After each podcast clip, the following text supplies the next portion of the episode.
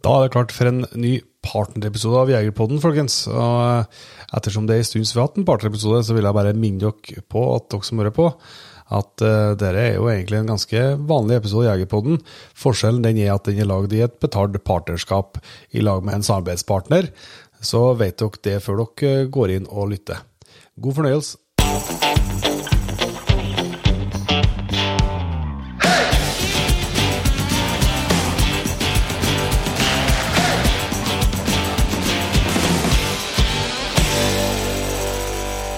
Gleden av kalle Frisk og Jørn Bakken hjertelig velkommen til parten til episode Jegerpodden. Hvordan kjennes det? Kontoret i Oslo. Dere er på hjemmebane nå? Ja, det føles jo veldig hyggelig. Ja. Eh, men jeg må jo si at eh, planleggingen av dette gjenspeiler jo litt om hvordan vårt firma og deres firma går for tiden. Det har vært eh, vanskelig å finne tid. Ja. Så spennende tider og hektiske tider. Absolutt. Og Carl, eller Kalle, er det som, er, det som, det som, det som det skal uttales, eller? Kalle. Ja. Det blir veldig, veldig bra. ja. eh, hvis du starter, Kalle, fortell litt eh, om deg sjøl. Eh, vi hører jo ut av gaten her at du er svensk. Ja, det går vel ikke til å miste på at jeg er svensk. eh, nå har jeg visstnok bodd i Norge siden jeg var 21 år gammel, ja. så nesten hele voksne livet. Så har jeg faktisk bodd i Norge. Ja. Eh, sånn er det med det. Fortelle litt om meg selv. Åh, vanskelig. Eh, jeg har to barn mm. på fire og seks år. Eh, bor i, på Kjeller utenfor Lillestrøm. Okay. Eh, har vel bodd i Norge siden 2009, egentlig. Og jobba i bransjen i hvert fall de siste ti årene. Ja. At du kom inn i jaktbransjen, er tilfeldig? Har du hatt jaktinteresse store deler av livet? eller? Ja, jeg hadde vel stort jaktinteresse, men holdt også på med hockey på elitenivå. Så det var vel først når man slutta med hockeyen, så man virkelig kunne starte med jakten som den primære hobbyen. Ja. Eh, så det kom vel i gang mest i starten på 20-årene, ja. da det ble mye jakt. da. Sen har det vel eh, inn i bransjen, det var vel en tilfeldighet. Mm -hmm. Jeg så en annons ute på faktisk på XXL. Aha. Så jeg begynte som våpenansvarlig på Majorstuen inne i Oslo. Okay. Og det var vel så jeg kom inn i bransjen. Ja. Uh, Deretter har jeg jobba i butikk noen år, mm. som butikksjef uh, på en annen jaktbutikk. Og sen tok det vel tre år før jeg starta å jobbe for Norma først. Ja, I Norge? Ja, mm. som uh, selger på Norma. Da. Ja. Og da hadde vi jo bl.a. Blazer da, som agentur. Så jobba lenge med Blazer da, mm. i porteføljen. på en måte. Og sen uh, var jeg salgssjef der i noen år. Og så har jeg hunnet rundt litt i bransjen. Jobba for en bedrift i Sverige som heter Fondprodukter. Og sen startet vi Blazer Group i 2020. da. Ja. Mm. Så det er vel den Men uh, historien. hvis du tar uh, blir litt kjent med jaktbakgrunnen, hvordan uh, første viltet ditt? Husker du på det? Og første viltet Jeg hadde sånn Vi kommer fra Sverige så er det mye älgjakt, spesielt ja. som i Trøndelag der dere kommer fra. Mm. Det er primære jakten. Så første viltet var faktisk en uh, litt for stor elgko. det er lov i Sverige, ikke Ja, det er det. Du, har jo liksom, du får instruksjoner for jakten. Og nå var jeg ung og med for første gangen. Det var faktisk første dagen, første drevet. Uh, hadde litt flaks med den. Mm. Og så Tanken var vel at det er sånn mellom radene at du ikke skal skyte ko, kanskje. Mm. Men det var faktisk lov, og de hadde gått gjennom på jakten at det er lov med kalv, og det er lov med ensamkommende ko der du har sett at kalven ikke etter på 100 mm. meter. Og så hadde vi da eh, pinntjur, da, ja. som var lov. Så jeg tenkte at det var en ensam ko, det var ingen kalv mer enn Jeg så den 150 meter kommende løpende, ingen kalv, så jeg skjøt. Og sen fikk jeg tyn for det i sikkert tre år etterpå. sånn er det. Den husker jeg godt. Ja, ja. Jørn, du må fortelle litt eh, om deg sjøl òg. Vi har jo noen som i hvert fall ivrige Jegerpodden-følgere har jo sett deg på en livesending, blant ja, og du har jo deltatt i en uh, livepodkast på Viltgården der du forteller om noen jaktturer som ikke gikk så helt som planlagt. da.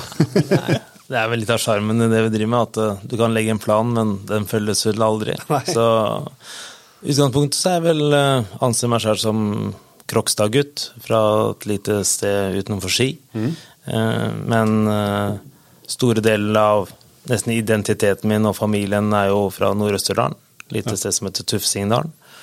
Og der har jeg vel veldig mye av jakt og villmark og, og, og, den turen, da. Mm. Mm. Har de første bildene, så sitter jeg på, på kne til pappa med en ørret og ja, det er teltbilder. Alt, alt jeg har av barndomsbilder, er mer eller mindre et eller annet sted i Tufsingdalen eller Nord-Østerdalen og Femundsmarka. Ja. Så hadde en bestefar som var veldig viden kjent for både fiske og jakt, og pappa er en av åtte. og Det er vel bare han som dro til Oslo. Alle de andre var der oppe og, og elgjakta. 25.9. var jeg printa inn siden jeg var bitte, bitte liten. da. Ja, ja. Så Nei, alltid, hatt interessen for det. Mm. Fikk eh, Jack London-bøker da jeg var liten, og Ulvehund og alt dette her. Så, ja. så, nei, så er det definitivt uh, Medfødt jaktlyst? Medfødt jaktlyst, ja. Så det er arvelig betinga. Sier vel at hvis du skal planlegge både ja, fødsel og bryllup og begravelse, så bør du ligge unna oktober i stor grad i min familie. Så det er vel det. Du har ikke, men du har ikke mista jaktlysta i voksen alder heller? Det, det jaktes mye nå, både inn- og utland? Ja, i og med at liksom, pappa var den eneste av dem som ikke jakter, mm. så sier de at det hopper over et ledd, men da kommer det veldig, veldig hardt, da. Så nei, det er uh, Her hjemme så har jeg en veldig, veldig tålmodig samboer og en liten eh, Jack Russell, og muligheten til å reise og jakte, ja, mange mener uforholdsmessig mye, da. Jeg mener akkurat litt for lite. Så det er, eh, det er vel der det ligger. Ja. Første vilthet, da, Jørn?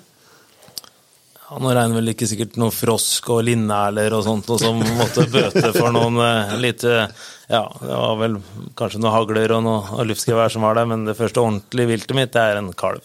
Ja. Som uh, Og det sier jo litt om hva jakt er generelt. Det er jo at uh, fetteren min var, var dirigent, og jeg satt på det riktige stedet, og han kommanderte hvordan det skulle gjøres, og alt gikk perfekt. og så de fleste jaktminnene er jo kanskje ikke akkurat viltet, men det er hele opp, ja, oppfølgingen til det og, og menneskene rundt. Da. Så, mm. så den lagsjakta er eh, sterk. Ja. ja.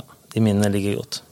Bra. Men um, nå skal vi jo selvsagt snakke mye eh, våpen og utstyr med dere. Dere eh, er jo både interessert og til og med jobber med, så da må vi passe på det. Men vi må kanskje starte litt med å få høre hva som befinner seg i våpengarderoben. da, Kalle. Kan du, hvis vi har tida til å gå gjennom? Ja, det kan vi gå gjennom. Jeg har jo så klart en uh, gammel R93 faktisk, stående igjen i garderoben ja. med trestokk. Det er vel en sånn tas fram på litt hyggelige tilfeller. Mm. Jeg har en R8 Suksess med litt sånn jålete lær og eh, sånne fine gule sting. Ja, ja, det var det. Ja. Mm. Har faktisk det. Den litt jålige børsa. Og så har jeg nå en Ultimate R8. Ja. Ehm, den kompakt, da. Jeg er jo litt kortere, som dere vet. Så jeg har den litt kortere versjonen. Ja.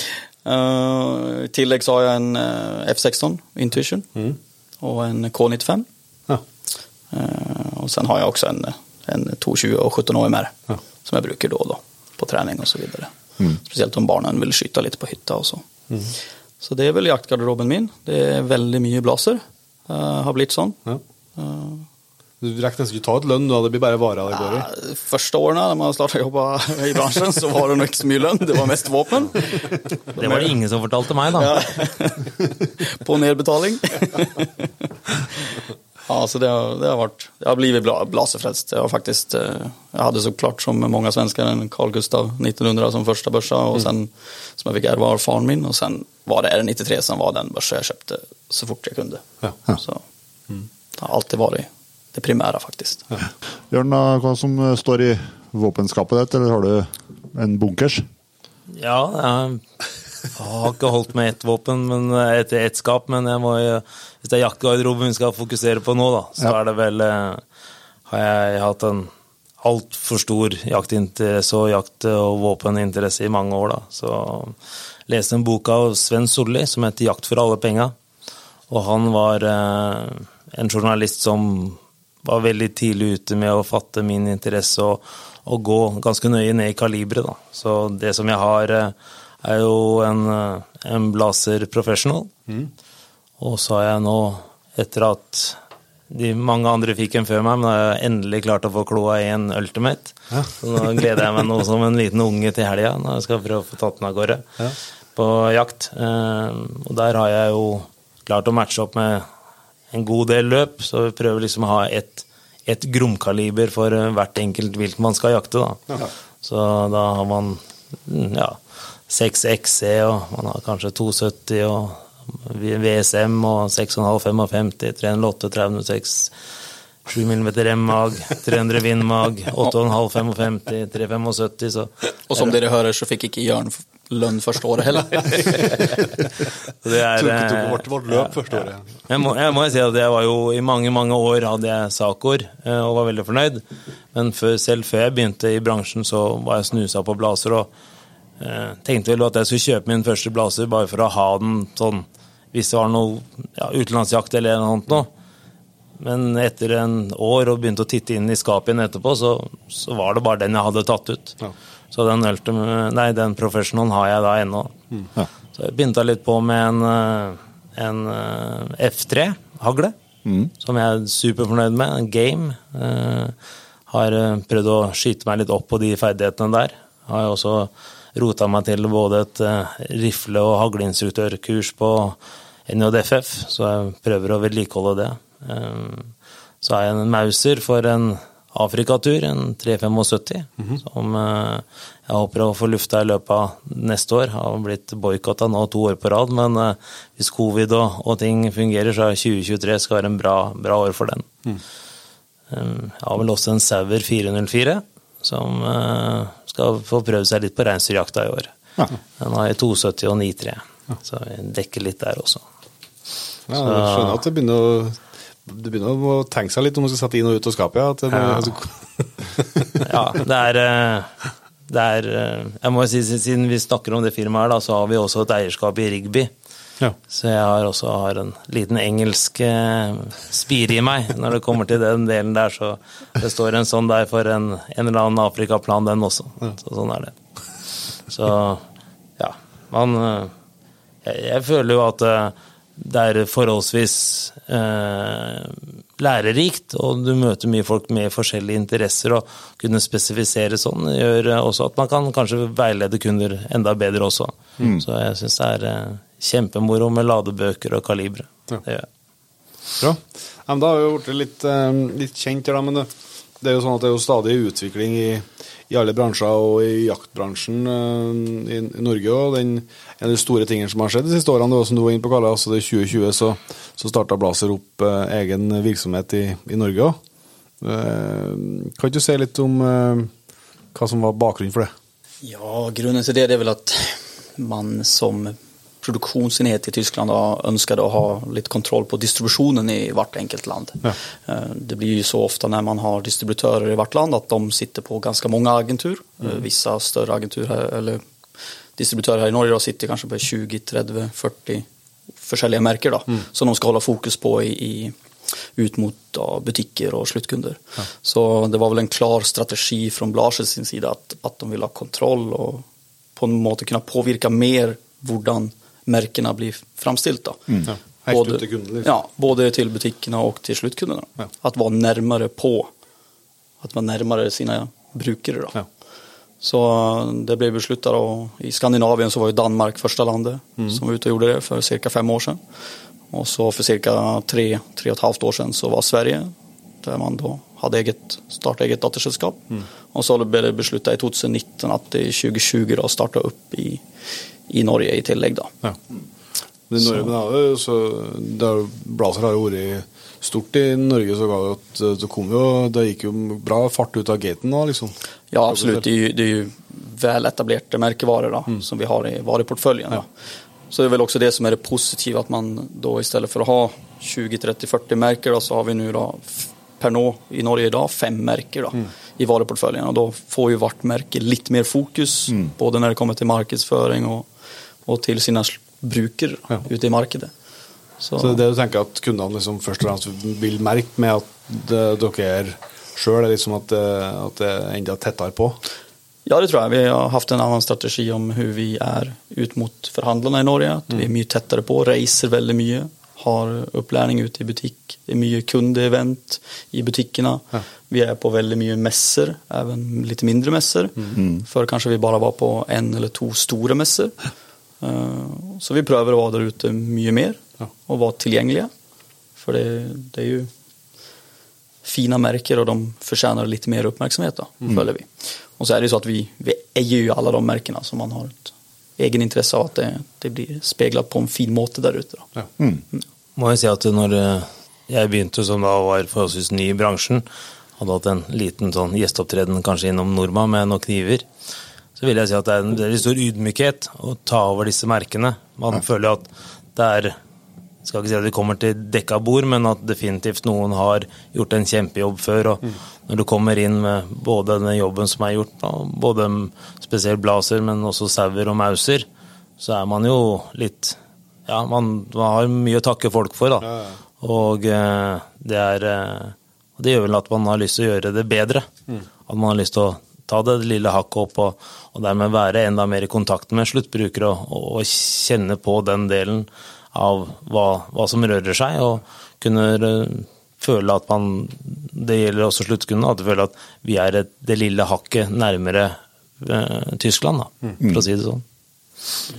Um, vi, vi må snakke litt om alle merkene og litt produkter her, men uh, for dem som hører, hører litt på Jegerpodden, så vet de jo at uh, jeg og Jon Inge er jo litt sånn fanboys til Blazer, så det er vanskelig for oss å ikke starte, ikke, ikke starte der.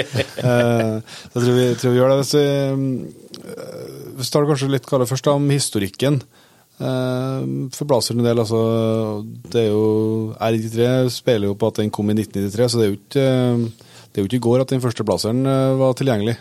Ja, nei, Blazer har jo eksistert lenge og, og hatt flere modeller som uh, Om du besøker fabrikken noen gang, så kan du se på alle modeller som sitter ut med ja. veggene der.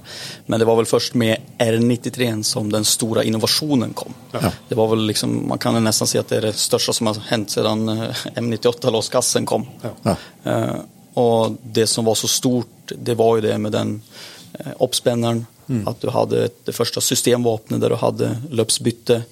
Uh, og jeg tror at eh, den ble hva skal jeg si, den ble jo lansert da i 94 eh, egentlig. da. Så 93 var det året man tok fram den. Mm. Eh, men 94 er vel første året den kom på markedet. da. Og det kanskje ikke alle har fått med seg, det er jo at hver modellbetegnelse som Blaser har, R8, R93, K95, det er det året da mm. den ble mm. lansert. da, eller i hvert fall. Repeter 93, ja. Ja, mm. stemmer. Vi ser jo det at i dag så er det jo selv kunder som kommer til oss og, og snakker om R93 nå, noen foretrekker jo fremdeles den konstruksjonen. Mm. Og det er jo den moderniseringen som hele tiden har vært en tråd i Blazer. Jeg var nede på fabrikken og, og, og, så på bare alle avtrekkene som de har, mekanismer, som de har utvikla kontinuerlig, mm. uten å kalle det versjon 3 eller 4, mm. men en kontinuerlig utvikling av produktene. Det er jo sånn når man sender inn til f.eks. en F3-hagle til service hos oss, så sier vi ikke så veldig mye om nødvendigvis alt hva som er gjort, men mye av de tingene der blir rettet opp fra oss hele tiden. Ja. Så det er den evige søken etter å gjøre det, perfeksjonere den. da. Mm. Og det etter at R93 hadde gjort sin suksess, og mange mener jo fremdeles at den kanskje er litt smekrere og litt annerledes. og Sånn, så gjorde det, kom jo da i, i 2008, så da nødvendigvis R8, mm. en videreutvikling av den. da. Ja. Og Det ble jo da en børse med uttakbar magasin, som kanskje mange hadde savna, mm. og en forbedring på avtrekkermekanismen i, mm. i største grad. Eh, det er ikke noe å legge skjul på at eh, R93 også fikk eh, noe rykte for seg etter noen, noen uhell. Men disse har jo definitivt eh, mange andre merker også hatt, og de forbedringene eh, som ble gjort, var vel hovedsakelig også en, en, en markedsføringsdel, for å bare fortelle at jo, vi hadde gjort en et ekstra forbedring her. Mm. Eh, de, de, sakene har jo heller aldri ført noe videre hen, Nei. sånn sett. da. Nei. Så det er fortsatt samme montasje som passer fra R93 till R8. Mm. Och man kan säga de största förbättringarna som ble gjort med, med R8 det var just det, magasinlösningen och magasinkapaciteten också. Mm. I och med att R93 var ju toppmata och hade då 3 plus 1 ofta då, beroende på kaliber nu då, visserligen, men mm. R8 då har ju 4 plus 1 då, på mm. standardkaliber. Mm. Så. Det det selv. Bare i år har vi kommet med fire nye kalibre. Ja. Og eh, de bare fortsetter utviklingen kontinuerlig. Så vi er på R8 så er vi gått over 50 stykk. Ja, det bør jo snart være nok for deg òg, det. Ja, ja, jeg har sendt over noen ideer til noen nye, men vi får se hvordan det går. Men det er, eh, det er jo det at selv om du får en R8 som er tilpassa akkurat deg og ditt jaktbehov. Ja. Altså det å kunne ha en om du liker tommelhull, eller om du liker en standard klassisk stokk. Om du, om du vil ha litt høyere kinnstøtte, om du vil ha lengdejustering. Alt dette ligger jo i det konseptet. og Vi er ganske imponerende når du drar ned dit og ser alle de tankene og, justeringene de har hatt på det hele tiden. Da. Så det er eh, Ja, det er eh, For at eh, Fra R8 da, så, så har det jo vært Uh, liksom, ja, som du sier, kontinuerlig forbedring og utvikling på noe altså på, på stokk. da, Men suksessen var jo, var jo en svær sak eh, lenge, og den eksisterer fortsatt, den. Ja, absolutt. Och jag mener, det er der vi mener at vi er veldig innovativa. da. Det, det kommer hele tiden nye ting. Ja. Successstocken är ju då en tummelåsstokk. Mm. Uh, og jeg tror at det er jo den som er veldig veldig väldigt populär idag. Eh, Ultimaten har ju också yes. Så det har jo nesten blivit standarden idag. Det, og jeg tror at det er mange av våre konkurrenter som tar etter der ute som ser at det är Det er populært. ja. det er veldig populært. Mm. Vi ser også det blant våre eh, fine norske merker som KKC og GRS da, som har kommet med utvecklade stokker, har jo også mm. endret vinkeln på grepet. Då. Så, så vi merker det at Norge er vel et av de landene som er i, hva skal man kalle det? front, ja. Ja, fram der. Ja, ja men det, gir det er jo, skjer jo det er jo på teknologi, på mobil og, og sånt. Og så er jo det er klart du er jo et kjøpesterkt land, så det er klart at da er vi jo, er jo frampå og ønsker å prøve nye ting. Jeg, jeg syns det viser litt hvor, hvor sinnssykt bra før de i hele tatt lanserte eh, 93-en. Hvor, hvor sinnssykt mye jobb og bra det er gjort fram til den. For at kan du se på en, på en eh, R93 profesjonal og en R8 profesjonal, så skulle du ha litt altså, Det er ikke store forskjellene på dem annet enn eh, altså, rent estetisk. Det er ikke før du får, begynner å få suksess og suksess og, og Ultimate at du virkelig ser at, at det er en R8. Så det, det er utrolig velutvikla når de først kom med, kom med dem med R93. Ja, og vi ser jo at det er noe med det designet. Eh, det var kunder innom ja, bare for forrige gang vi var ute hos dem, og, og liksom, de var ikke helt sikre på om de hadde R8 eller R93. Men det, det, er ikke så lett å se på sluttstykket, men så små endringer er det. Og Ja, ja. ser også på Skal ikke kalle det at de etterligner oss, men det kommer jo også en del andre rettrekkere med Ja, har kommet veldig mye de siste årene. Lignende om du kaller det sikring eller, ja, eller skyvesikring eller noe der. Og du ser jo mye av designstilen. Altså, de har vel ikke funnet på absolutt alt sjøl, sånn som jeg kan si. Det er, det er likhetstrikk med, med det som, som Blazer R8 og R93 har starta, mm. På mange måter. Ja, så er det den her eh, som er alle Altså alle, Hvis du spør alle tror Blazer-folk, så er jo det er høyt opp på lista. Altså den det er den sikkerheten den, eh, den gir, den er utrolig verdifull. altså Selvsagt er jo sikkerhet alltid verdifullt, men, men følelse av det. Eh, For meg i hvert fall når jeg har eh, ja, Hvis jeg, hvis jeg går låner et, låner et våpen eller prøver et annet våpen og ikke har den oppspilleren, så, så ligger det og gnager, gnag meg liksom i bakhodet hele tida.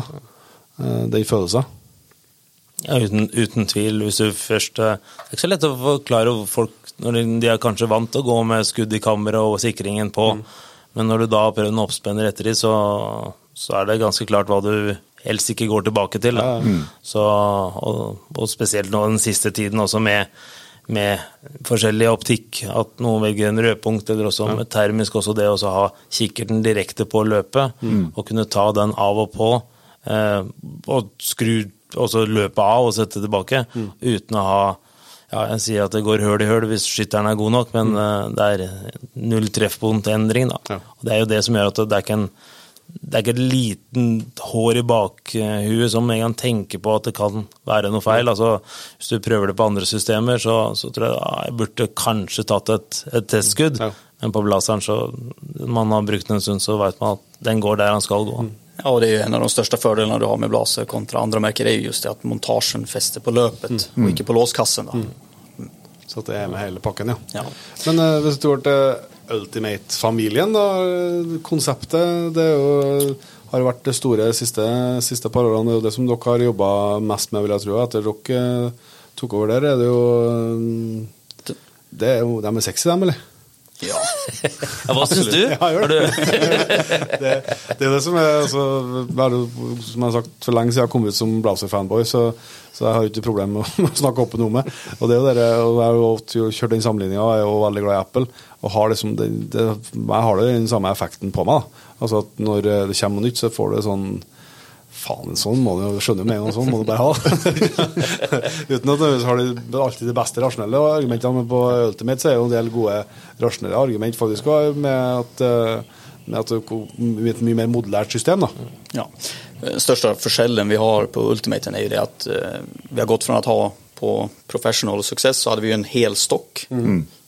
fra ende til ende, Men Ultimaten er da delt i to. Ja. Eh, vi har altså et forsäfte och en bakstock. Och det gör ju att vapnet blir enda mer modulärt, blir enda mer som lego. Det är det vi har fördelen av. Då. Eh, och det är ju med tanke på att vi har kommit med Silence-modell der man har da en, en tjukkere løpskanal. At det skal være mulig å bytte forskjefte, så man kan bruke Silence-piper og, og silence-lyddemperen. Mm. Så det at Hvis man kjøper en vanlig Ultimate uten silence, så kan man senere ned i gata hvis man har lyst, bytte ut forskjeftet og, og bygge om den til en, til en Ja. silence. eh, Helt riktigt. Yes. För standardlöpen har ju 17 mm löpsprofil mm. medan Silen är mycket tjockare. Det jo lyd, lyddemper, kan jag säga Så. Ja, eh, lyddämparen så den må få plats då. Och detsamma har man ju då gjort med bakstocken. Eh, I och med att successen hade ju inte någon justerbar Nej. eh, kinnstötte och det har ju nästan blivit standard standard nu att folk önskar att ha det på rifflarna sina. Så Ultimaten, bakstocken, nu kan du då ett montera både justerbar kinnstötte, du har en eh, justerbar På lengde. ja, rekylkappe. Då. Du har også en, Hva kaller vi den da, Jørn? Rasen. Ja, et uh, recoil absorbing system da, som gjør at du kan faktisk Hvis du føler at, uh, at lyddemperen ikke demper nok, så kan du faktisk også få en regulerbar demping bakerst i kolben, da, som gjør at du kan dempe enda mer, og med forskjellige hardheter. Da. Så, og den, som med alt annet med Ultimate, det kan settes på i ettertid og tas av i ettertid. Hvis man prøver noe, så for veldig mange er det veldig enkelt å kunne kjøpe en helt standard. Og så etter hvert finne ut hvilket behov man har, og sette de på, da. Det vil det kunne være behjelpelig med. Og dette gjelder jo ikke bare R8, det gjelder også K95 Ultimate òg. Så som da vi har akkurat de samme funksjonene på den delen der. Ja. Så det er jo, I tillegg til det så har den jo også kommet da i en compact-modell. Så det er veldig morsomt når man står og, i butikk eller hos, eh, på messer, og det kommer en om man er 2,5 meter høy eller om man er 1,50 høy. Så klarer man å finne fram en som passer både eh, i armlengde, men også i høyde og også for hender. Så det er jo kjempe Ja, det er, det er veldig hyggelig når folk noen har en innebygd las- blasermotstand.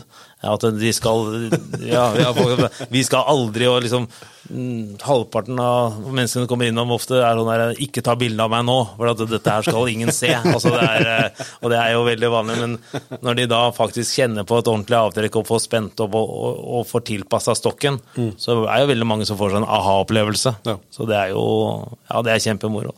Når du får et våpen som passer til både meg og Kalle da- Ikke sant? Helan og halvan. Nei, men eh, du, du, du nevnte jo Compacten, men eh, det er jo flere i Ultimate-familien. Huntec uh, snakka Har vi ikke snakka om ennå. Nei, det har jo vært eh, Alle som kjenner tysk forretning og tysk kultur, vet at eh, de er ikke akkurat de som er eh, helt on the edge når det kommer til teknologien. Og det har nok vært, eh, både på klesmessig og andre ting, så har Kamo vært en, en litt vanskelig ting å integrere inn i, i blazerkulturen. Ja. Vi har jo for første gang sett at uh, vi har en kjempeinteresse for Kamo. Og det er jo altså, det er jo bare å se på MeTeachers og Sitka og alle disse andre merkene som har ført dette her et hakk videre. Så vi har fått da en, en, en modell som ja, det er i hvert fall to av oss rundt bordet som har satt ekstra pris på den, og den nye Hunter Camoen er eh, ja, veldig, veldig Ja, folk eh, har liksom fått Camoen inn på et nivå som gjør at den er lettere for folk å, å ta med. Da. Og det har blitt mer akseptert, da. Så jeg syns den er den tøffeste av de alle. Ja. og det har jo selvfølgelig å gjøre med at vi lanserte en ny klesserie Ja. eh, i Blazer Outfits då, som kalles for Huntec. da, så, med det Og så har vi eh, Så har det jo kommet noe som For dem som er links. For links har vi klart å få inn, og det er jo da endelig, for den har jo vært i suksessen, men for Mm. Ultimate så har den kommet nå, og da har den også kommet da, med alle de andre modulene. Ja. Så både links, men også da muligheten å, å få høydejustering på links, og når det kommer til lengde og rekyl og alt den delen her, så vil det også være en del av det. det er, eh, men du kan jo fremdeles ha en links, men ha en høyre eh, Stokk, liksom, Høyre stokk, Ja. og du kan også ha utkasteren til motsatt side, så dette er jo eh, fordelen av de fleste som, som tenker på eller lurer på det, kan jo bare gå inn på nettsida og så sette det opp som en hvilken som helst bil. Der kan du jo velge om du vil ha gullavtrekker, eller om du vil ha DLC, eller eh, hvilken farge du vil ha på, på sømmene dine og alt. da. Så det er jo anbefaler folk å gå inn der og se på alle de alternativene for å finne den børsa som passer deg og din jakt. Eh, type best, da.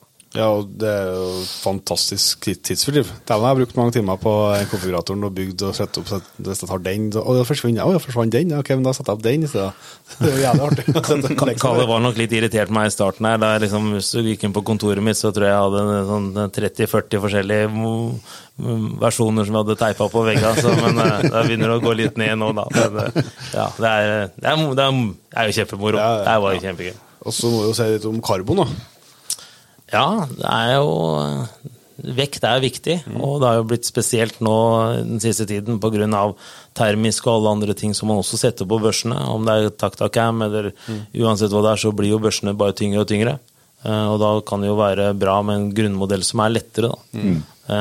At den ser fantastisk ut, er jo ikke noe minus, det heller. Og eh, for de som kanskje har skutt med en tofot av karbon eller noe, annet vil også merke at det er veldig likt tre å skyte med, i en skytefølelse som er eh, faktisk mer behagelig enn en vanlig synsstokk. Så ser eh, flott ut, jålete ut, men eh, faktisk har- en funksjon også, skal det sies. Jeg er glad at du sa det, Jørn. Men for dem som ikke føler at fire pluss én i magasinet er nok Ja, da har vi også fått den eh, nyheten for i år da, som er eh, Ultimate X. Mm. Og det er jo første gangen da Blaser kommer med en, en mulighet for ja, tidsskuddsmagasin då. Eh, den nye modellen den har jo en litt endring på stokken. Alle som kjenner Blaser som tidligere, vet jo at magasinhuset sitter jo uh, I avtrekket. I avtrekket. Avtrekket sitter i magasinhuset. Og det er en enhet som du tar inn og ut. Ja. Eh, Og her har vi da forlengt stokken noe, så at du får magasinet foran. Ja, så du ikke fått et avtrekk som var 20 cm ned. Ja, annet hadde det blitt litt problematisk. Så de første uh, Ultimate X-ene har kommet inn til Norge og ut til kunder. Ja. Folk er jo veldig interessert i det. De har lyst til å se på dem og prøve dem og sånn. Jeg pleier alltid å si at det, for de som hvor de ikke holder med fem skudd på den jakta de har, så vil jeg gjerne bli invitert. altså Hvis du ikke eh, da har tid en gang til å fylle opp en magasin, men du må fortsette å skyte. Så den har jo helt klart et mer konkurransepreg. Så, og det har vi sett når vi er på banen, at det er jo det å kunne holde grepet helt stødig, og faktisk også ta ladegrep med, eventuelt med venstre hånd, da er eh, måten å gjøre det på. Så det, er en, det er en ny interesse om det er noen PRC-skyttere eller andre som føler et sånt behov, eller har vanvittig bra drivjakt, så, så er det vel fordi det er tenkt, tenker jeg. Ja. Kult. Eh, og Compact sa vi litt om, ja. Det er jo eh, rett og slett bare en eh, Det er jo som kommer som en følge egentlig av X-en, eller? At den Compact eh, Ja, det er litt sånn merkelig, for når jeg liksom først så den, tenkte jeg endelig skal vi få en Intuition eller en compact-versjon av det, men det er faktisk bare en, en bieffekt av at eh, når de lagde X-en, så er jo den de 3-4 cm lenger. Ja, for å Så få plass til magasinet. Og, ja, og den stokken er jo helt den samme Ultimate-modulen, så den kan jo bare settes direkte inn. da. Så det var det første vi gjorde. Jeg tror vi lanserte den kanskje på Camp Villmark i Verdensnyhet, med at vi satte den sammen der og definerte den som en egen modell. da. Så den kom egentlig to stokk ut for hverandre. Altså det den med justerbar skinnstøtte og justerbar lengd, eller justerbar skinnstøtte og den compacta. Ja. For den eh, justerbare kolbekappen er også kortere i utgangspunkt enn en vanlig Ja, når den er helt kjørt inn, ja. helt kjørt inn. Ja. Så det er jo den også en veldig fint for om man estimerer litt kortere, så kan man også ha den modellen. For den på sitt innerste er ca. 1-2 cm kortere enn en standard Ja. R8. Ja, riktig. Ja. Og, og selv med en sånn compact også, så har jo selvfølgelig også disse skimsene som kan da settes inn. da. Og det er også da selvfølgelig også Rekyl-kolbekappene er jo også i forskjellige lengder òg, da. Om det er 15 eller 20, så jeg tror vi skal kunne klare å treffe ganske ned på millimeteren på den lengden som er ideelt for enhver skytter. Ja. Og en annen bieffekt av den uh, Ultimate X-en er også at vi kommer med en, ny type Picatinny-montasje. Då. Ja. Eh, och det har jo også å gjøre med eye reliefen. Då. Så vi kommer med en ny montage, nya ringer och det blir lanserat nu i september. Då. Ja. Och det är också för att kunna få kikkerten närmare ögat för att Ja. med de centimeterna som Jörn nämner så, så blir ju eye reliefen längre. Ja. Så vi måste få kikkerten längre bak också Ja. för att tillpassa det enda bedre. Og en veldig hyggelig ting for det, for oss spesielt her i Norge som bruker mye termisk og har det, er jo at veldig mange av de termiske kikkertene har jo for kort øyeavstand. Ja. Slik at de også vil ha en kjempe bare for den vanlige blaseren også. R8 så er det mulig å få den kikkerten enda lengre bakover. Ja. Så den gleder vi oss stort til. Og ifølge tyskerne så er Picatinny endelig gjort på den måten som det skal gjøres. Ja. Så den gleder vi oss til. Tøft. Eh, Du nevnte så vidt eh, konfiguratoren, eh, men det er jo en hel verden som kanskje ikke snakker så mye om i Norge. Men det er jo som alle custom-mulighetene som, som ligger. altså det kan jo være helt enkle ting som du var inne på, så at du vil bytte farge på avtrekkeren fra svart til, til gull, eller eh, sånne ting, men du kan, jo, du kan jo virkelig få akkurat det du har lyst på. Ja, og det er jo en ting som vi mer og mer ønsker at folk skal vite om der ute. At eh, du kan sette ditt personlige preg på børsa. Ikke bare i funksjonalitet, men også i utseende.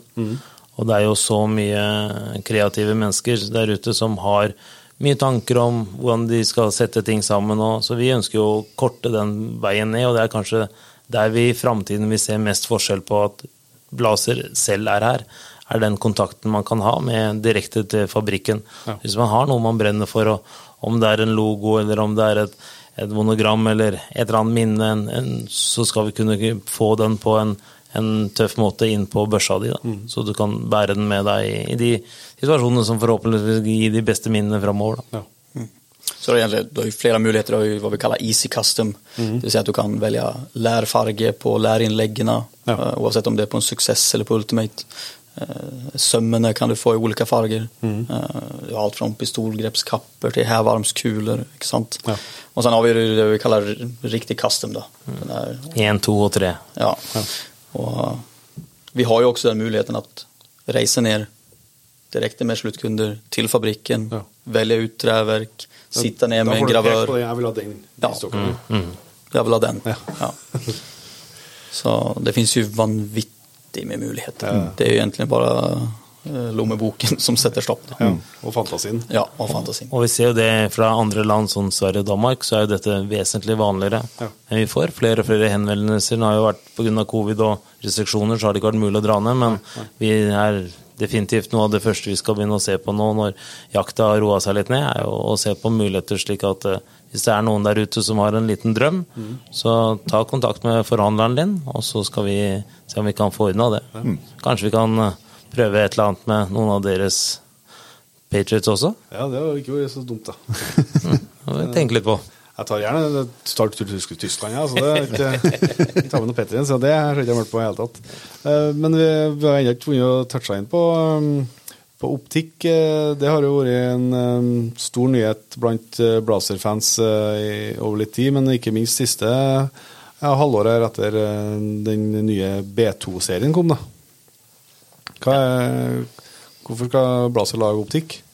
Nei, det, det har de vel tenkt på veldig lenge. Ja. Så de slapp jo den første serien som nå da i ettertid kalles B1, eh, som var den første serien i 2017-18. Da kom de jo med en serie som de selv mente var top of the line, og eh, jeg, jeg tror jeg har faktisk brukt den siden 2019 selv, Ja. og vært superfornøyd med den. Har, eh, der lagde de tre kikkerter som var helt spesifikke etter en filosofi, for å lage til det bruket, og det var jo da en 1 til 7 og en 2,5 til eh, 20 ganger 50, og en 4 til 20 ganger 58. Så Der har de de basene. og De har jo da tidligere kjøpt opp både research and development-avdelinger og har sin egen fabrikk der nede. Okay. er, eh, der blir det satt sammen etter våre spesifikke krav, og kun eh, vi som har de designene og de tegningene og de coatingene som er på børsene våre. Så når de da mm, følte at eh, de hadde lagd noe av det mest ultimate, så tenkte de faktisk litt uvanlig for Blasi, hvordan kan vi da også lage noe som er mer i den priskategorien hvor folk vanligvis liker å kjøpe eh, optikk. Og de også gikk da med til å putte bl.a. slik at det ikke var medforstyrrende retikkel. De har putta det på den, og de har eh, lagt seg i den, den funksjon, funksjonsdelen hvor andre også vil være. Vi snakker da fra 17,5 og litt over 20 000 kroner. Mm. Så Der har vi en kjempeserie nå som er 1 til 6 og 2 til 12 og 2,5 til 5, 15. Og Det er jo da en serie som, så vidt vi vet, den første serien som er laget med tanke på å kunne sette på eh, termisk eller lysforsterkning og tåle det. Har gjort, testene er gjort med den delen. Og vi har jo noen helt unike og etter vårt, vårt syn og flere av forhandlerne våre syn, de beste adaptermulighetene. Slik at du kan sette på disse tingene. Samme som vi snakket om i stad, du tar av en kikkert på en blaser og setter den direkte på pipa. Du skal også med vårt system kunne ta av en, en termisk og sette den tilbake uten å ha treffpunkterendring i det hele tatt. Mm. Mm. Ja, Forskjellen er at B1, når den kom, der var det jo ingen bestemt zoomsintervall.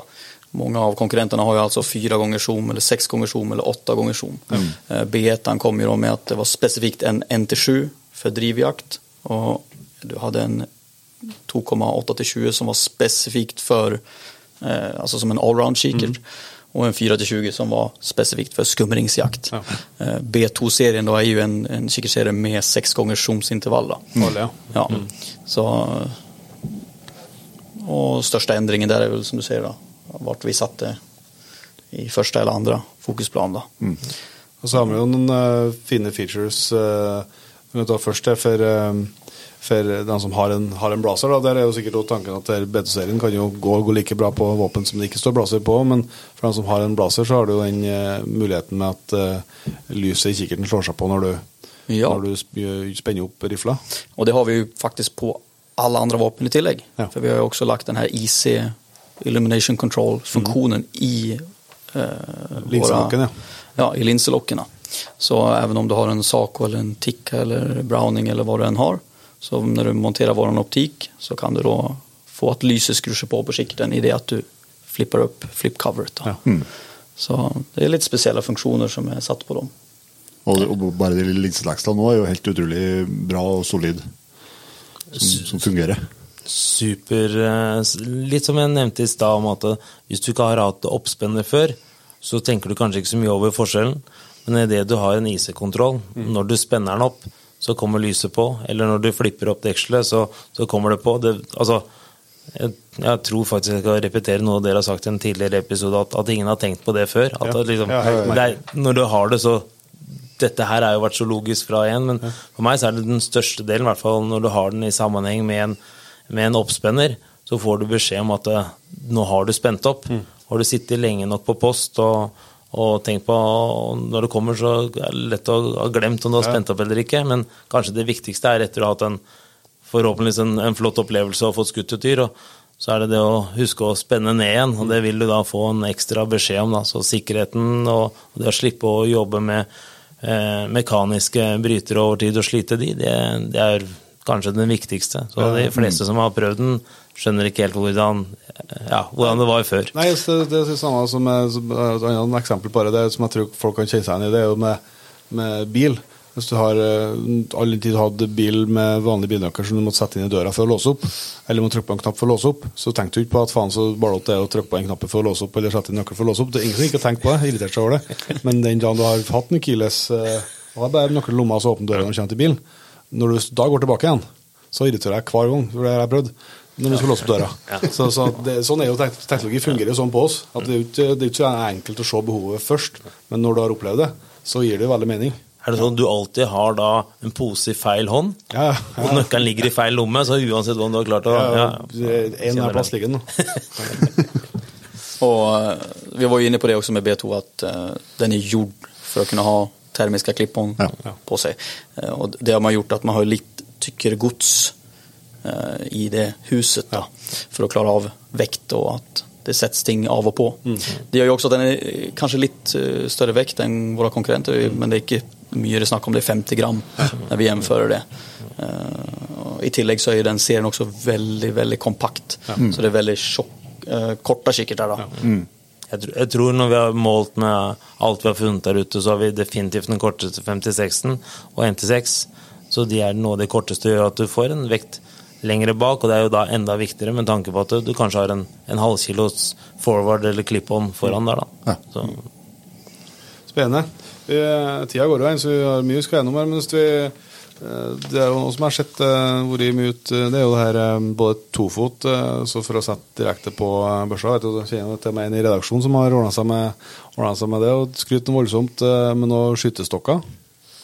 ja, det er jo nok en gang tilbake til det modulære. Hvordan de prøver å finne den beste løsningen for, for skytteren i den forskjellige jaktformen som de har. da. Ja. Så vi har muligheten foran til å sette et lite adapter, hvor vi har en tofot som du setter på. Vi har vel to forskjellige to. Vi fikk en ny, en Ultimate nå, Valhalla. Har et uh, bra samarbeid der med Spartan Precision, som vi har uh, egne adaptere for blasere.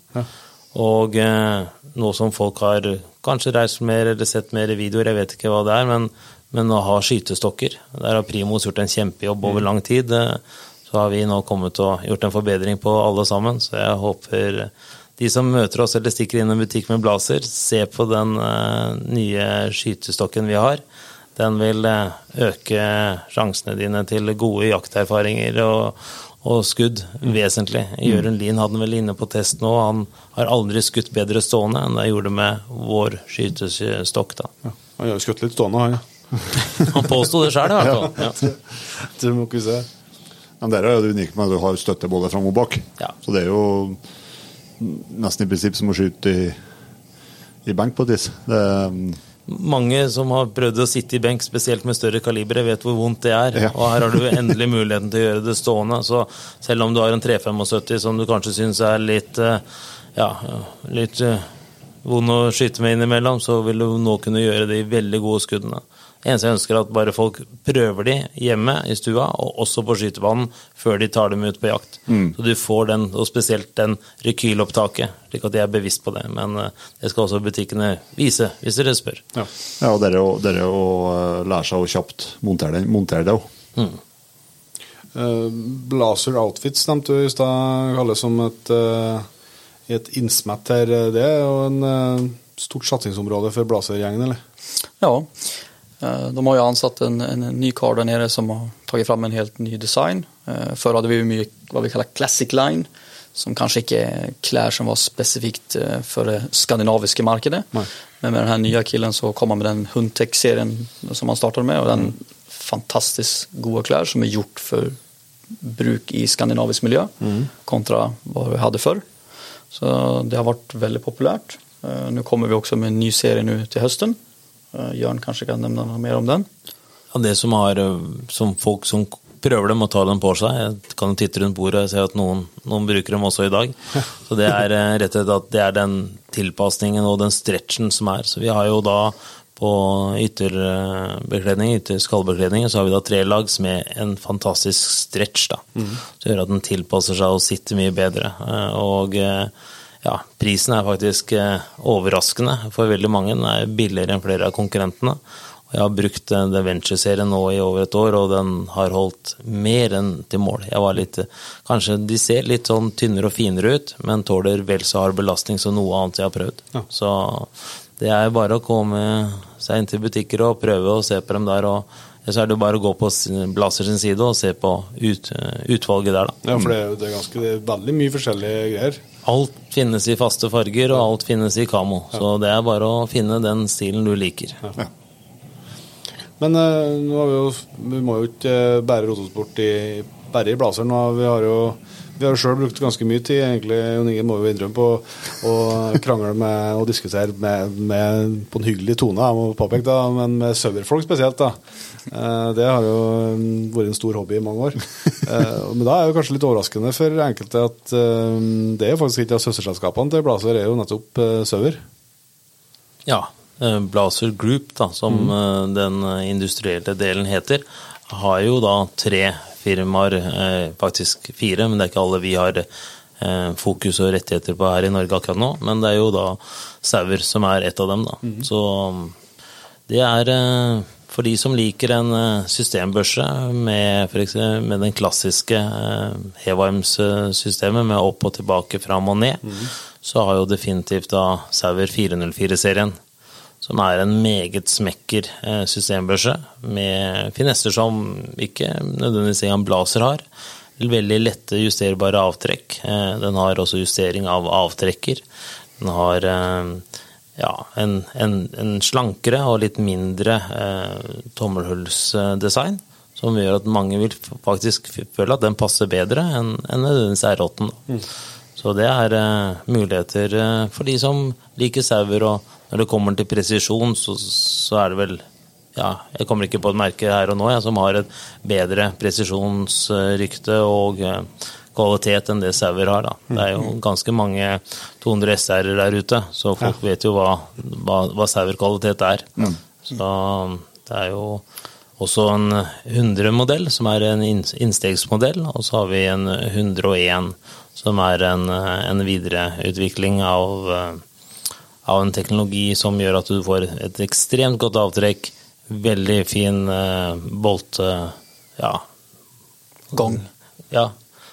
Og eh, sikringen sitter jo da mer sånn som på en oppspenner, rett og slett. da. Mm, mm. Sitter mer tilgjengelig for tommelen. men, men så, 404 den har oppspenner? Den har oppspenner, det er helt riktig. ja. Ja, Saura är ju, de har ju både från high-end till entry level. Ja. Så det är ett väldigt fint komplement att ha i portföljen. Då. Ja. Du har ju både 404 då, som är ett systemvapen, fast som Jörn nämnde de är hävarm. Du har 303 som är en halvautomat. Uh, vi har Enulen som är en sån mid-segment jaktrifle. jaktriffle. Mm. Och så har du 100 som är liksom entry level. Ja. Uh, så det er jo veldig komplett. Eh, vi har jo også kommet med Artemis. Ja, Det har vært ganske stor satsing og kul satsing til, til søvla. Ja.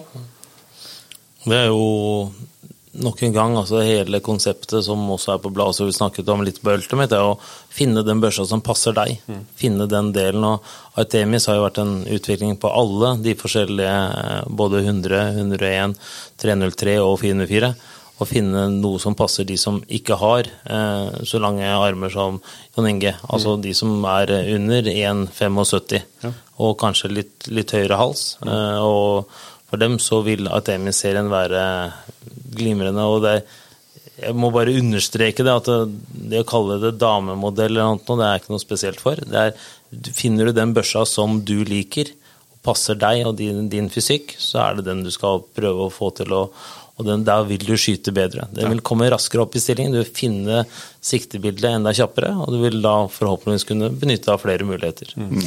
Alltså, jeg kan jo prate for dem som er under 1,70 så, så jeg har jo alltid haft problem å finne våpen som ja. faktisk passer. Då. Ja. Uh, så for meg var det sånn helt revolusjonerende når F16 kom med Intuition som var kortere pistolgrep, ja. kortere totallängd, passar meg ypperlig. Det, du, du, blir en mye bedre skytter, ikke sant? Mm. Eh, R8 med compacten og nå Sauer med Artemisen, det gjør at du finner vapen som er mye bedre tilpasset skytteren. Ja. Ja, det er noe helt annet. Alle som har hatt en for lang hagle eller for lang rifle, vet hvordan det føles. At mm. ah, den sitter perfekt. Mm. Takk. For det blir noe helt annet å være på skytebanen eller være på jakt med noe som passer. Mm. Og det å bare ta en, en, en, eksisterende modell og bare kappe lengden på kolben og kalle den en, en compact-modell, er jo ikke Altså, det er jo hvordan du tilpasser både fortere, det er hvordan du høydejustering, og ikke minst altså pistolgrepet. Ja. Slik at de også da som har litt kortere fingre, klarer å få 90 graders avtrekk, altså betyr at man ikke eh, Fingeren ikke rører siden på børsa. Du får den lufta imellom og kan få et, eh, et ordentlig avtrekk. Og det er jo, spør en virksomhetsskytter, avtrekket er jo der hvor vi har mest å lære, og det er mest å trene på. Så det er eh, for damehender med kortere herrehender. Ja. Veldig bra. Så er det jo ikke eh, Vi kan ikke eh, snakke om dette det her uten å være innom et annet merkevare dere har som jeg vet er veldig mange som er veldig veldig glad i, og som har lange tradisjoner. Det er jo Mauser. Flere steder vi drar, så er det faktisk de capsene vi selger mest av. Ja, det, det, er det som Og hvis jeg bare ser tilbake på ja, elglaget vårt, så hvis du går tilbake til ja, 90-tallet og sånn, så så var det jo mest mausere. Mm. Det var det det var de fleste alle, og alle har vel hatt en god og dårlig erfaring med å en eller annen hard kolbe, stålkoppe som du fikk låne når du var 12-13 år og skulle prøve å skyte med, og fikk givende respekt for en eller annen 8 ganger 57 eller en 3006. Så heldigvis har utviklingen gått bra der også, så vi har jo i dag en eh, M18 og en M12. Må si det samme som Sauer er det eneste som ikke har det systemet, men på Mauser så har de beholdt det samme systemet som på Blazer. Ja. Det betyr at M18 eh, er, kom i 2018, og M12 kom i 2012. Har ikke noe med eh, finesser eller kvalitet på våpna. Det er årstallet der også. Nå nu du faktisk M98 her. det er den jeg kommer til etterpå. Men, eh, så M18 har jo vært en, eh, en innstegsmodell, og veldig godt likt av testere. Den har jo også vunnet beste, beste børse under 20 000 kroner av Jørund Lien, og Abraham Grimseth har også likt den også i bladet Jeger. Og Hukt, som testa en del riflepakker, eh, hadde også da M18. Og det kommer jo til at den har en trepunkts sikring, som jeg finner helt nødvendig for en, en ny, ny jeger, eller også en eldre jeger. Slik at du kan faktisk plundre og ta ut skudda uten å være bekymra at eh, skuddet og mekanismen kan avfyres. Og eh, med en, eh, en gummiert stokk og ferdig gjenga. Til en fornuftig pris. Finnes også da med en kolbeforhøyer også, for de som ønsker det. Men mm. hele den M18-serien har vi hatt en kjempesuksess med, og forhåpentligvis nå så fikk jeg vite i, i går at uh, GRS uh, sa at de faktisk også jobber med modeller som skal komme med det i løpet av kort tid. Ja. Så det blir spennende. Ja, det fina med M18 också, där du har jo den, altså et veldig fint magasin, et femskudds kryssmatermagasin, og du har en vanvittig god presisjon fra en sånn innstegsmodell. Mm. Uh, Og der har du også videre er jo da M12, da, som er en eh, mellommodell. Men det, er, det som vi har gjort med den, som var forskjell fra før, er at vi har da gitt den en oppspenner. Så faktisk den funksjonen som vi holder så kjært på Blazeren, vil også være tilgjengelig på en, en vanlig boltbørse i en, eh, i en mellomprissegment. Da. Så, og jeg står fremdeles med at avtrekket i den er så å si det beste i hele, ja, i hele bransjen. Den er en fantastisk børse og finnes i en, en morsom trail-versjon også, for de hundeførere. Så der har vi den, en av de beste hundeførerbørsene som er på markedet. Ja, vi kan gå gjennom litt av modellene. Altså, M18 har vi jo nå i, i fire forskjellige modeller. Vi har en long range som egentligen ja, mot PRS-miljøet. En M18 med 22 mm pipa i, i et, ett chassi. Uh, vi har den også som eh, en, ja, hva vi kaller standard, en svart stock. Eh, vi har valdjakt på tysk då, som er egentlig for skogsjakt om vi skal oversette det ra- rakt av, en grønn stock. Og vi har også feldjakten, da, som kommer med justerbar skinnstøtte då, som er mer savannafarget stock. Så det er ulike stokker og, og, og, muligheten for justerbar skinnstøtte och så. Eh, I, I tillegg så har vi en stainless-version da, med, med, med rustfri løp. då. Eh, Så det, der har vi då fyra, fem modeller på M18. Ja. På M12 har vi sju olika modeller. Eh, der där det er vel en vanlig standard M12 Extreme. og så har folk blivit ekstremt glad i den M12 Max da. Ja. Og det er egentlig en laminatstock med ett tummelhålsgrepp då. så tummelhål går jo igjen i bransjen. da, Det er jo blitt veldig populært. Ja. Og den har også justerbar skinnstøtter. altså så den, er, den selger vi veldig bra. Kult. Eh, vi skal jo begynne å runde av etter hvert. eh, Klokka går, ser jeg, så vi skal slippe eh, Skal ikke bruke opp hele dagen deres, men vi, vi må kanskje høre litt om Minox. Det er jo et merke dere jobber en del med òg. Ja, Minox er jo da, som hvis de da har fulgt med litt i det vi snakker om nå, så er det jo en, en tysk tråd i alle disse her. Så det har vært et For de som så de tidligere James Bond-filmene, så så de kanskje sånne små spionkameraer. Og de var jo lagd av Minox. Så de har vært i optikk i veldig, veldig mange år, og, og la, lagd håndoptikk som også har vært i det norske markedet. Og har eh, masse fans der ute. Fornuftig prisa optikk til eh, til fornuftige priser. Så det har vært en, et godt eh, ekstra tilbud i forhold til de dyrere blaserkikkerne vi har, da.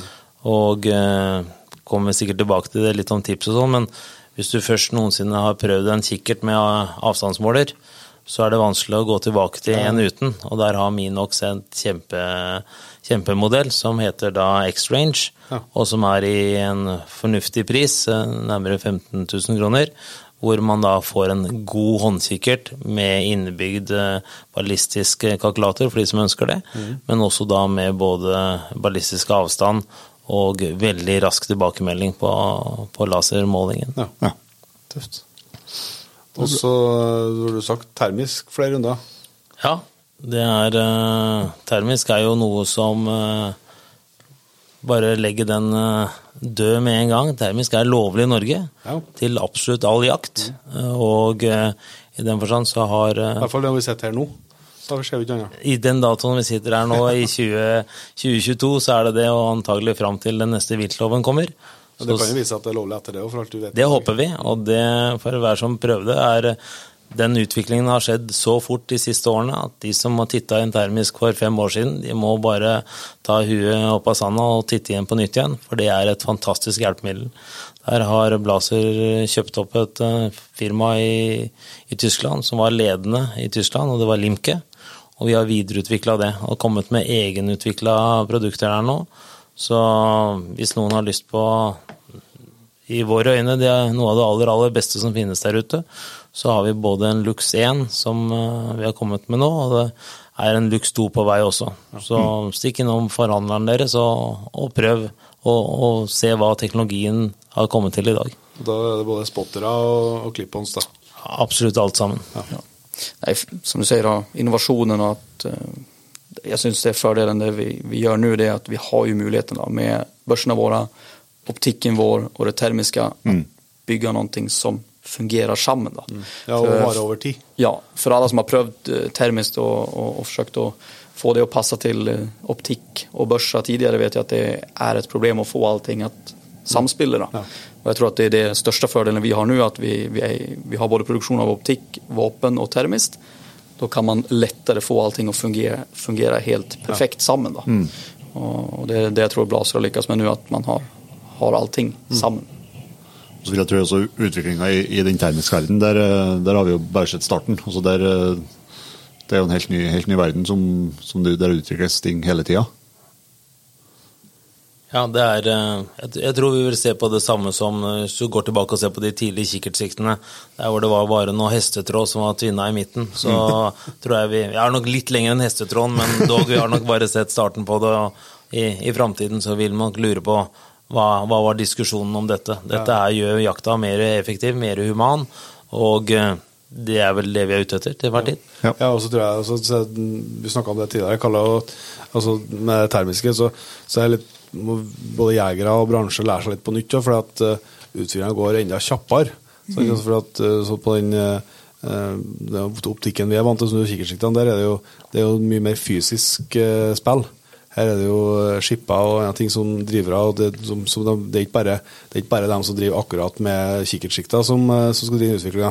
Det er en hel verden, eh, teknologiverden som driver utviklinga. Ja. Der de henter fra, fra hverandre. Så at det er et helt annet tempo i det. Det er det absolutt, Jag menar, och termiskt, det, brukes jo liksom ikke bare det er jo, jakten er jo ikke den primære sektoren. Nei, nei, nei. Det fins jo den teknologien i biler, i helikoptrar, i sikkerhetssystemer på byggen, Mm. ikke sant? For å sjekke varmefrafall fra bygninger. altså, och jag tror fordelen nå, når vi har det sjøl og produserer det sjøl, er at man faktisk da får veta hva er det jegeren trenger. Ikke sant? Hva er det for, for eh, funksjoner vi etterspør. Det tror jeg er den største forskjellen. Og det blir kortere vei da, Ja. at kunne gjøre de endringene på produktene. Så, så jeg tror at det kommer gå veldig raskt framover. Ja. Nei, men vi, det er ikke tvil om at vi kunne sittet her eh, hele dagen vi og snakka utstyr. eh, Det kan jo fort at det blir sånn der, da. Men vi skal, vi skal komme oss eh, hjemover til Trøndelag etter hvert, så vi skal begynne å runde av, tenkte jeg. Men vi har jo fast, fast avslutning, vi, og det kan vi ikke slippe dere uten å ha fått, uh, fått kjørt med, med dere to nå. Du kan få starte, Kalle, med å dele med oss uh, din jaktdrøm. Åh, jeg har jo flere. Da. Ja, men det er lov, det. Ah, nei, men jeg er ju så heldig å jobbe med noen som Jørn, som har en sånn fantastisk erfarenhet, spesielt fra från Mm. Jeg har jo primært holdt meg i Skandinavien. Då. Ja. Jakta mye dåhjort og vildsvin og och og, og och rådjur och så vidare. Så jeg har en liten drøm om å komme meg utenlands. utomlands. Jeg har egentlig to drømmer. Jeg har planlagt å forsøke å komme ned til, til Afrika Ja. og få jakta der og prøve på det. Se om man blir bitt av basillen. Og så har jeg alltid haft en sånn poikdrøm å være i Kanadas villmark og ri ut på en hest og skyte med en stor elgokse. Det har vel alltid vært en sånn stor drøm, om jeg må være ærlig og si. Så det er vel dem. Ja. Men du, Jørn, du, du, du, du jobber nå eh, nærmest eh, hele året med å oppfylle drømmer, men eh, jeg vet nå at det fortsatt er ting som står på bucketlista. Ja, jeg var eh, Tilfeldig så fant jeg bare her for noen måneder siden så fant jeg gikk på PC-en min og skulle PC-en min var full, så jeg måtte gå inn og sjekke hvorfor det var not enough memory. Så da gikk jeg inn, så fant jeg faktisk en liste som jeg hadde skrevet på et Excel-ark i 2010. Aha. Jeg hadde lagra der.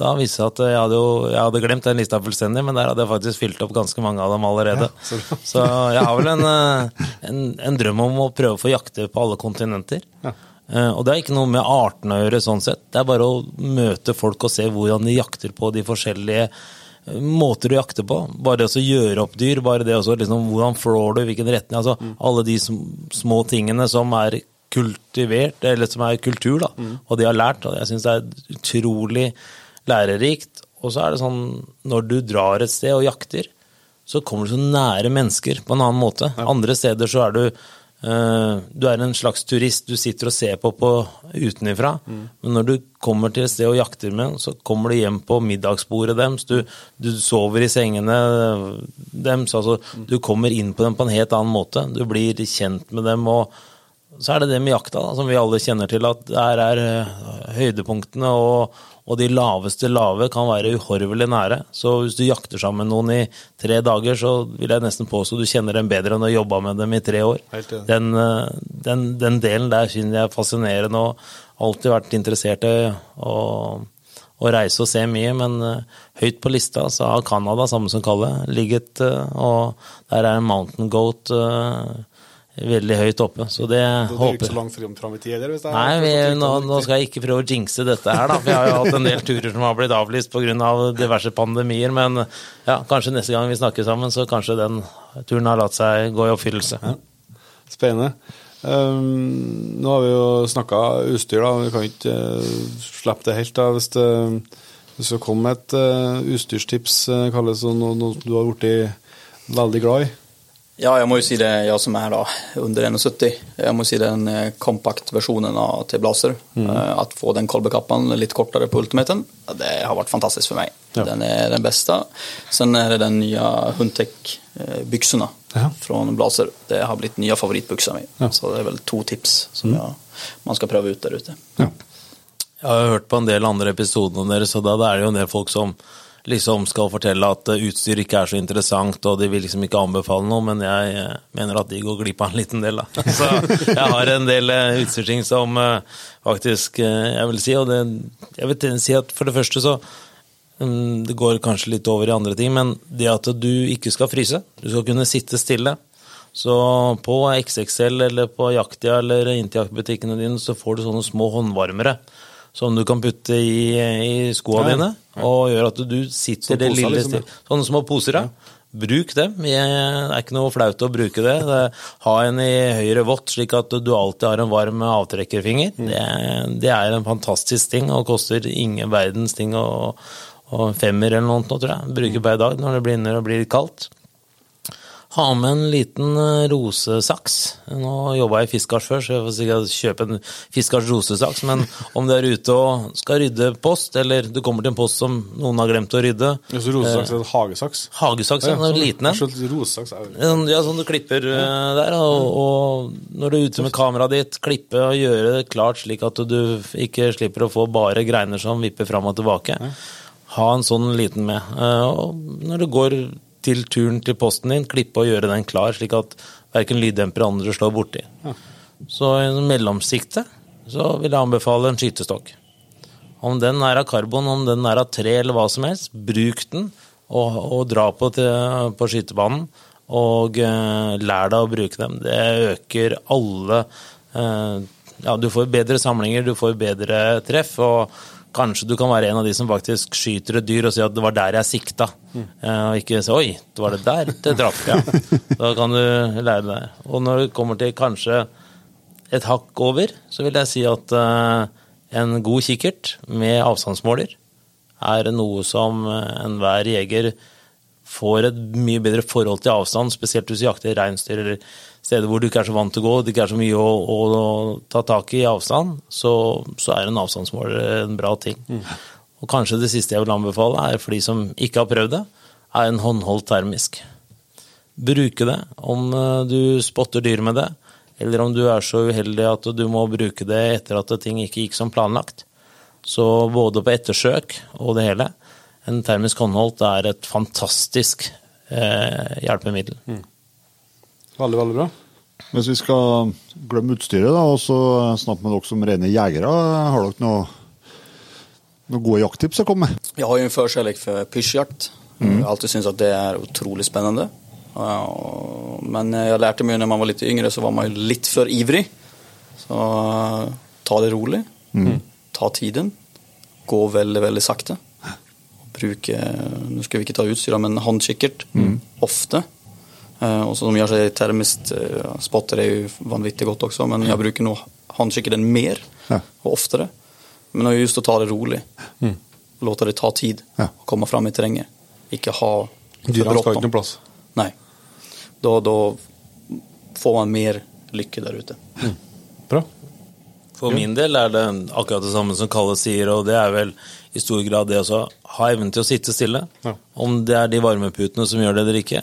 Sitte stille. Jeg personlig har med meg termos og ferdig matpakke. Og eh, mange sier at ja, men jeg brenner bål og alt det der, og dyra kommer løpende over bålet. Og røyk, ja, det, det tolererer de, men hvis du flytter deg på post, så ser de den bevegelsen. Så hvis du må bruke en fem minutter på å surre rundt og hogge ved, så er det ikke det bålet er ille, men det er de fem minuttene du har brukt før. Så der da, sitt stille. Ja, den jegeren som sitter mest stille, den får mest dyr. Ja, jeg tror Det er jo en grunn til at det er noen poster som stort sett alltid skjøter dyr, og noen som stort sett aldri gjør det. Det er nok ikke helt tilfeldig. Så de som er på elglaget mitt, nå fikk dere sige hemmeligheten min der. Det er, det, er, det er ikke lydløst å samle ved, eller? Nei, overhodet ikke. Men eh, hvis vi skal runde av, da, få ei jakthistorie fra Blazer-guttene. Eh, Jørn, er du som er, du som har utpekt deg, har jeg forstått? Ja, eh, jeg vil jo bare si at eh, for de som er ute etter gode jakthistorier, så uh, veit jeg ikke helt om hva som er Patriot-episode eller ikke, men gå tilbake og hør på alle de flotte historiene som disse gutta her har samla inn i løpet av så mange år. Eh, må innrømme at Jon Steinar Vangen har en stor stjerne i min verden når det kommer til det. Han har eh, trolig en av de beste episodene på Viltgården. Så man blir jo litt satt i skyggen av, av den delen der, da. Men eh, det er jo så mye morsommere i jakta når ting går gærent. Ja, ja. Og eh, etterpå. mye morsommere etterpå. Nå skal jeg prøve å ikke henge ut verken andre jaktkamerater eller samboere. Så jeg har en, eh, hadde en tur hvor jeg var langt bort der hvor ingen kunne tro at noen kunne bo. Så hadde jeg en outfitter som var veldig sparsommelig. Så han fant ut det at eh, selv i Pakistan så kan vi kjøre i sånn 18 timer i strekk. Og vi behøver ikke å stoppe på hotell. Nei. Og vi behøver ikke spise så fint, så bensinstasjonmat i Pakistan, det er noe vi kan spare penger på. så eh, når du da liksom, Når du normalt kjenner at det kan buldre litt i magen, så når du hører at det skriker og folk snur seg fra forsetet for å se hva som skjer bak der, og det er magen din som hviler, så kan dere tenke dere at eh, hvis du kjører fra den kinesiske grensa ned til eh, hovedstaden, som er eh, ja, ca. ti timer, og du må da stoppe og, og, og dermed stjele så mye dopapir at du kan lage deg bleie for å komme deg ned til hotellet i slutten av turen. Det, det var en flott tur, men eh, jeg må innrømme at eh, den siste fire timene var jeg gremmes over det. Og da var jeg veldig behagelig til å komme seg hjem til, eh, til Norge etterpå. Men prøv, husk det, Imodium det er noe jeg anbefaler på det sterkeste å ta med på lange turer. Jeg tror ikke du ber om noe mer detaljer på det. Du, du, tar, den- du tar sånn. Nei, men da skal vi si tusen takk eh, for at eh, dere ville lage en partnerepisode i lag med oss. Det setter vi veldig stor pris på. Vi er jo utrolig både glad og stolt for at vi får lov til å samarbeide med dere. Eh, og ikke minst at dere nå tok dere eh, tid til en eh, prat i en eh, travel oppkjøring til jakthøsten. Det setter vi stor pris på. Det tror jeg er noen som har hørt på dette å gjøre. Så da tror jeg vi sier takk. Takk, takk. Takk for praten. Takk skal dere ha.